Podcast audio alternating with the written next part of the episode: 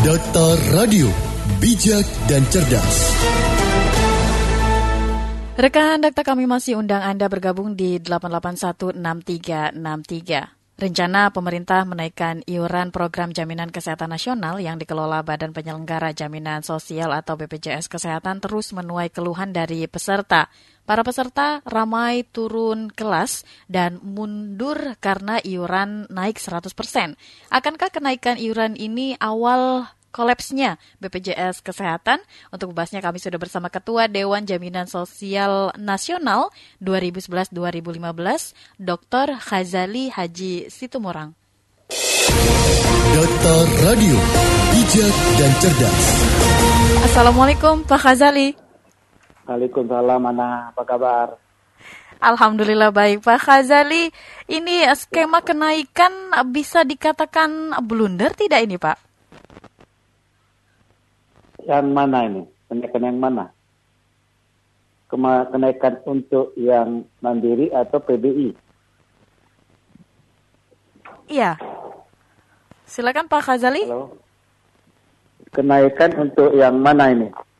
Terkait dengan kenaikan 100% iuran BPJS yang akan diberlakukan per 1 Januari 2020, Pak Khazali. Oh. Jadi itu kenaikan itu kan ada dua kelompok. Iya, Dua kelompok peserta PBI dan non PBI. iya yang mandiri ya. Ya mandiri itu non PBI. Kalau yang PBI nggak ada masalah karena itu APBN ya. Betul. Dan itu memang kewajiban pemerintah. Angka 42 ribu itu sebetulnya sudah wajar karena sebelumnya juga pemerintah tidak tidak eh, tidak mau melakukan kenaikan iuran setelah lebih dari tiga tahun ya 2016 terakhir tiga ribu baru sekarang ini tiga tahun kemudian naik 42. Nah, yang mandiri, saya kan sudah ada artikel saya, saya katakan di situ, ya bahwasanya memang dengan kebijakan kenaikan 100% dari 80 ribu di kelas 1 menjadi 160 dan kemudian eh, 100 eh, 20 ya, Ya. 120 atau 110, dua- eh, 110 untuk Kelas 2. kelas dua yang sebelumnya 51 ribu. Mhm. Nah, eh, ini analisis kita setelah melihat situasi di lapangan juga dan dari berbagai masukan, ini terjadi migrasi, Mhm. ya migrasi yang aktif membayar, ya dia akan migrasi, ya dari kelas 1 akan turun ke kelas 2 atau bahkan langsung ambil kelas 3. Iya. Demikian juga yang kelas 2 akan turun ke kelas 3. Apa akibatnya? Akibatnya ma- maka eh, waiting list di rumah sakit akan akan makin meningkat sebab kapasitas tempat tidur itu kan terbatas ya. Nah, selama ini aja eh, yang di kelas 3 saja sudah eh, begitu penuh. Apalagi banyak lagi eh, beramai-ramai orang ambil di kelas 3. Mhm. Nah ini yang yang dikhawatirkan ya sehingga eh, keinginan untuk meningkatkan mutu pelayanan itu akhirnya juga tidak akan tercapai itu satu. Yang kedua adalah eh, dengan eh, kebijakan ini yang selama ini orang menunggak ya kelompok mandiri yang menunggak yang jumlahnya itu cukup banyak sekarang ini dari laporan bulan Juni 2019 ada sekitar 15 juta orang yang sudah mendaftar menjadi peserta dan sudah pernah menjadi peserta kemudian menunggak membayar karena berbagai alasan. Ada alasan mungkin berkaitan dengan ability to pay, Ya. kemampuan dia membayar juga pas-pasan, ya, atau memang to pay-nya itu yang eh, rendah, ya, Eh, keinginan membayar dia dulu itu membayar karena mungkin mau menggunakan fasilitas karena sakit ada keluarga sakit, ya dia mengurus setelah sembuh berhenti. Nah ini kondisi-kondisi ini dianalisis akan bergerak ke arah bawah. Artinya kebijakan menaikkan iuran itu untuk menutup menambal eh, defisit beberapa tahun yang sudah terjadi tidak akan tercapai. Ya, Pak Khazali. Ya, ya Pak Khazali katakan uh, ini kemampuan ada yang pas-pasan, tetapi dengan turunnya kelas, misalnya dari satu langsung ke tiga, kelas dua menjadi ya. kelas uh, tiga, apakah keinginan ya. membayar tetap akan dilakukan oleh peserta nantinya? Ya, bagi peserta yang memang punya, uh, jadi kalau dia dia punya keinginan willingness to pay-nya bagus. Ya. Tapi kemampuannya terbatas, maka dia akan turun kelas karena iuran naik, ya kan? pendapatan juga tetap tidak naik, maka langkah yang dia ambil adalah turun kelas karena dia memang keinginan tinggi untuk menjadi peserta. Ya. Nah, kalau itu dia langkahnya adalah turun kelas. Tapi kalau mereka yang memang uh, keinginannya itu memang uh, tidak ada, kemudian uh, dia itu dulu menjadi peserta karena mau menikmati pelayanan kesehatan, hmm. setelah dinikmati kemudian dia akan berhenti karena memang lininya lemah. Nah, ini yang berat. Nah, yang ini yang harus disisir. Kelompok-kelompok masyarakat yang ada kemau kemampuan tapi tidak tidak punya motivasi tinggi untuk membayar. Hmm. Nah, motivasi itu akan makin berkurang dengan naiknya iuran. Kan begitu, sehingga yeah. kalaupun dia masih motivasinya masih Eh, sedikit-sedikit adalah ya. Tapi dengan naik dia makin tidak ada lagi motivasi. Uh, ini potensial untuk menjadi kelompok yang menunggak. Mm-hmm. Nah, oh, iya, Pak uh, Khazali. Teruskan dulu ya. Iya, silakan. Biar, biar selesai. Nah, dengan demikian kan BPJS sesuai dengan perintah undang-undang kewajiban dia kan menagih iuran. Ya. Menagih iuran itu kewajiban BPJS yang diperintahkan oleh undang-undang maka BPJS melakukan upaya untuk menagih. Nah, untuk menagih ini ada instrumen hukum yang sudah mengaturnya itu PP 86 2013 kalau salah saya itu memang mengatur ada tahapan-tahapan sanksi yang diberikan kepada mereka-mereka yang menunggak. Tahapan itu sebetulnya adalah teguran lisan, tertulis, ya itu menjadi wewenang BPJS. Tapi di akhir itu ada namanya eh, apa namanya eh, tindakan atau sanksi administratif. Yeah. Itu yang heboh sekarang kan? Sanksi administratif, administratif tidak mendapatkan pelayanan publik. Uh -huh. Tapi untuk sanksi administratif eh, tidak mendapatkan pelayanan publik itu eksekutornya bukan BPJS. Nah, tetapi adalah sektor pemerintah terkait. Yeah. Nah, misalnya kalau urusan SIM ya urusan politik lintas. Kalau dia izin, dia suatu uh, dia sedang ngurus, ngurus izin usaha, ya kaitannya kalau mau ngurus izin usaha harus dilampirkan ke peserta aktif atau ngurus paspor harus menunjukkan mau perpanjangan paspor misalnya dia peserta JKN itu ada tunggakan enggak? Nah, itu menjadi urusan masing-masing Eh, sektor atau badan menyelenggarakan. Nah, itu yang sekarang membuat masyarakat itu resah. Ya, Pak Khazali, uh, sanksi administratif ini kan masih dibahas uh, begitu ya. Apakah uh, harus dijalankan kebijakannya ataukah uh, tidak begitu? Apabila sanksi administratif ini diterapkan ke masyarakat, apa dampaknya? Ah, gini, kita nggak usah bicara dulu sejauh itu ya. Karena sanksi administratif itu melibatkan sektor lain. Ya, banyak Jadi pihak ya. Banyak, maka itu kemarin eh, BPJS kan minta payung hukum lagi adanya hmm. impres. Ada impres untuk mengapa namanya memfollow up karena menyangkut di sektor. Tetapi yang penting sebetulnya dalam pendekatan kemasyarakatan, yang penting bagaimana sosialisasinya dibangun terus, ya. advokasinya dibangun terus jadi yang dibangun itu adalah kesadarannya, willingness to pay-nya. Nah, itu baru nanti di mapping masyarakat ini. Yang perlu dilakukan sekarang, masyarakatnya harus mapping. BPJS kan punya data. Punya data by name, by address, peserta lengkap. Ya, petugas lapangan itu mapping dulu. Ini kelompok masyarakat ini sebetulnya bagaimana? Ya. Dia itu tidak mau bayar apa sebabnya? Apa karena memang tidak mampu, sebetulnya dia miskin. tidak mampu. Kemarin dia membayar itu karena terpaksa, karena ada keluarga yang sakit.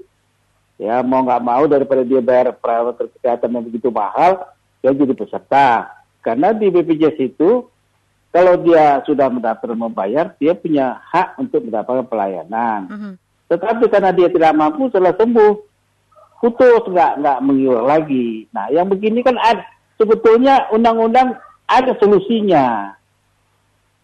Solusinya apa?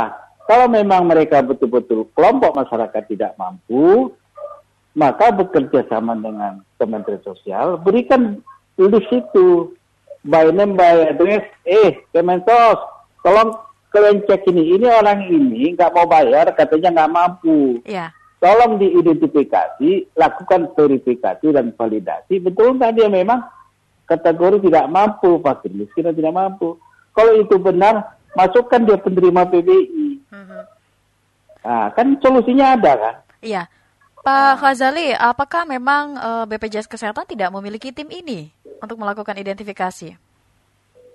Uh, tidak tugas dia. Uh-huh. Secara spesifik nggak tugas dia. Tapi itu bisa dibangun tim terpadu uh-huh. antara Kementerian Sosial dan uh, dan BPJS karena menurut PP uh, 101 ya 2012 itu itu tentang peserta PBI itu domainnya Kementerian Sosial. Ya. Tapi Kementerian Sosial dia punya lingkup dengan BPJS menyangkut data. Hmm. Jadi setiap data migrasi data PBI dan PBI itu tetap melalui uh, uh, datanya dengan uh, BPJS karena harus terregister di BPJS. Tim ini ada, tim untuk pencocokan data ini ada. Tinggal tim ini dipertajam untuk melakukan mapping. Mapping sebetulnya ini yang 15 juta yang nunggak ini apa sebabnya? Apa memang karena tidak mampu atau tidak mau? Sehingga ada evaluasi Pak Khazali ya? Ah, jadi nggak salah sasaran. Ya. Kalau di Uber-Uber itu sebetulnya dia tidak mampu, di Uber-Uber kan akhirnya kan berkelahi di lapangan kan? Iya. Kan ribut. Nah, mapping ini yang saya minta juga harus itu dulu ya dilakukan. Tapi kalau betul dia sudah terdata, ah ini nakal nih memang, memang niatnya nggak bayar. Dia tuh ada rumahnya besar, mobil ini tapi nggak mau bayar, ini karena merasa hebat. Ah, gua ngapain bayar BPJS? Itu kan kenal kenalan gua, itu kan anak buah gua. Ini yeah. bisa, ah, yang begini-gini senjata PP 86 itu bisa dipakai. Jadi semua itu instrumen itu sudah ada, tinggal bagaimana kita menggunakannya dengan tepat sesuai dengan uh, kebutuhan. Ya, Pak Ghazali, dinaikkan 100% untuk iuran BPJS ya. Kesehatan di awal tahun 2020. Apakah pelayanan juga nantinya akan ditingkatkan, Pak? Bagaimana memberikan kepercayaan ya. kepada masyarakat? Jadi begini, itu akan ikut tapi saya ingin mengatakan tidak bisa otomatis. Ya. Jangan berharap otomatis. Pada saat nanti eh, Januari ini sudah mulai di eh, apa yu, eh, apa namanya itu paskes paskes itu di dibayarkan klaim yang belum bayar ya itu uang yang ada itu masih cukup hanya untuk membayar utang yang sudah empat lima bulan tidak dibayar. Ya. Jadi bukan uh, tidak bisa kita berharap banyak dalam waktu sesaat itu eh, kualitas pelayanan semakin baik, belum tentu. Tetapi kita memperbaiki performa rumah sakit, kita memperbaiki situasi rumah sakit sehingga dia tidak semakin terpuruk, itu bisa dilakukan. Artinya kita bisa menahan dia kepada kondisi yang lebih parah lagi karena yeah. kesulitan dana. Nah, setelah itu selesai, dibayar semua utang-utang, ya baru kemudian dibangun kembali komitmen komitmen rumah sakit untuk melakukan pelayanan yang terbaik sesuai dengan uh, kesepakatan kerjasama dengan BPJS. Hitungan saya proses ini bisa 3 sampai enam bulan. 3 sampai enam bulan, Pak. Uh, untuk masa transisi kepada suatu performance pelayanan uh, rumah sakit ke arah yang lebih baik. Mengapa selama itu, Pak, 3 sampai enam bulan untuk Loh, menyelesaikan hutang dulu baru bisa meningkatkan pelayanan? Hutang bukan menyelesaikan utang untuk konsolidasi ke dalam supaya persoalan-persoalan uh, utang piutang ini selesai. Baik. Karena kan memang kan uang itu kan tidak serta merta uh, uh, tersedia Betul. uh, dalam jumlah besar. Ini kan BPJS pun dia membagi uang ini kan juga uh, uangnya misalnya uh, 10 triliun. Rumah sakit berapa? Rumah sakit hampir dua, uh, ribu lebih. Ya. Nah, ini kan tentu uh, prosesnya kan ya tidak semuanya itu mendapatkan jumlah yang itu diharapkan. Misalnya klaimnya lima bulan, paling mungkin dibayar ada yang cuma dua bulan dulu, berarti masih sisa tiga bulan kan? Iya. Kan karena uangnya juga nggak nggak ada semua. Hmm, Pak Ghazali, cukup, boleh Pak. ditahan sebentar kita terima rekan dakta yang sudah bergabung, Pak Ghazali. Ya, silakan. Ada Pak Yamin, Assalamualaikum.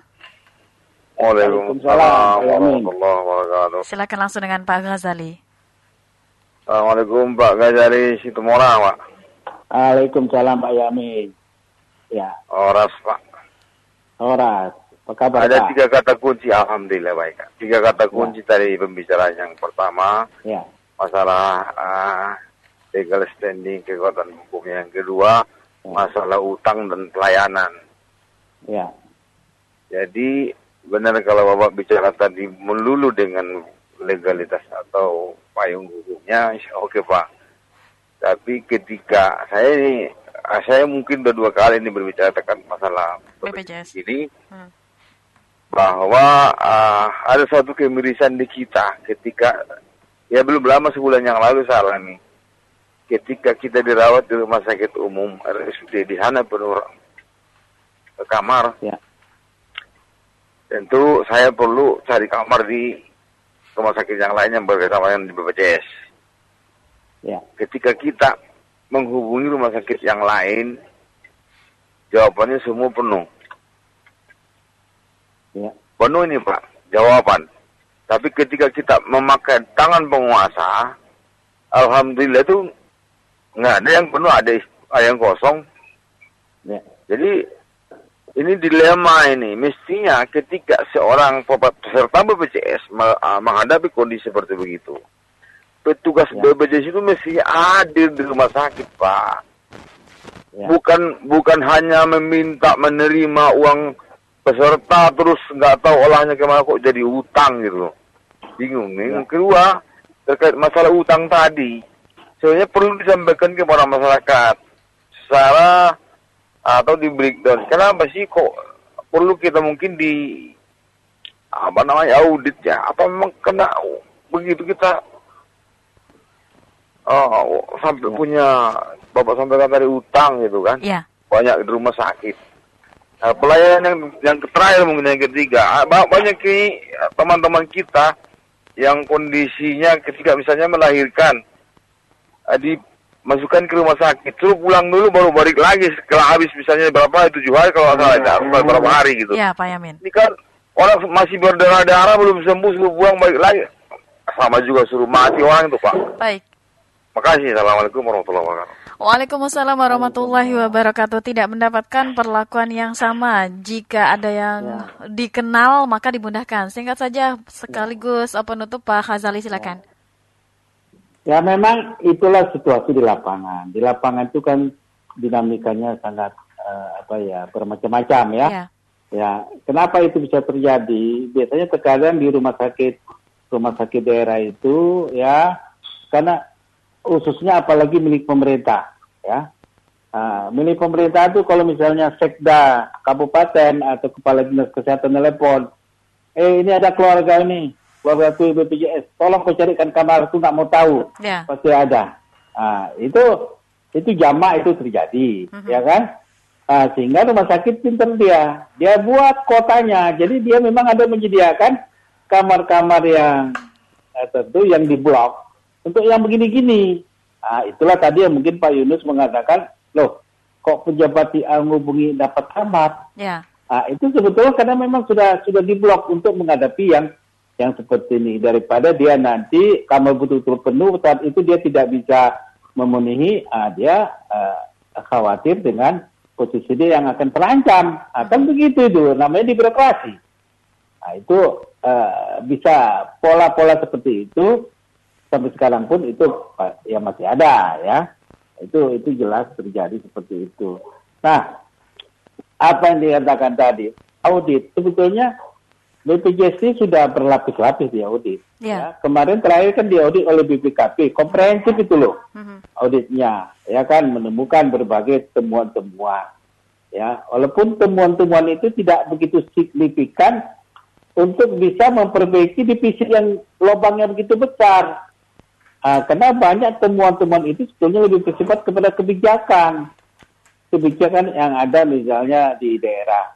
Contoh yang sederhana apa? Yang sederhana adalah kebijakan dana kapitasi.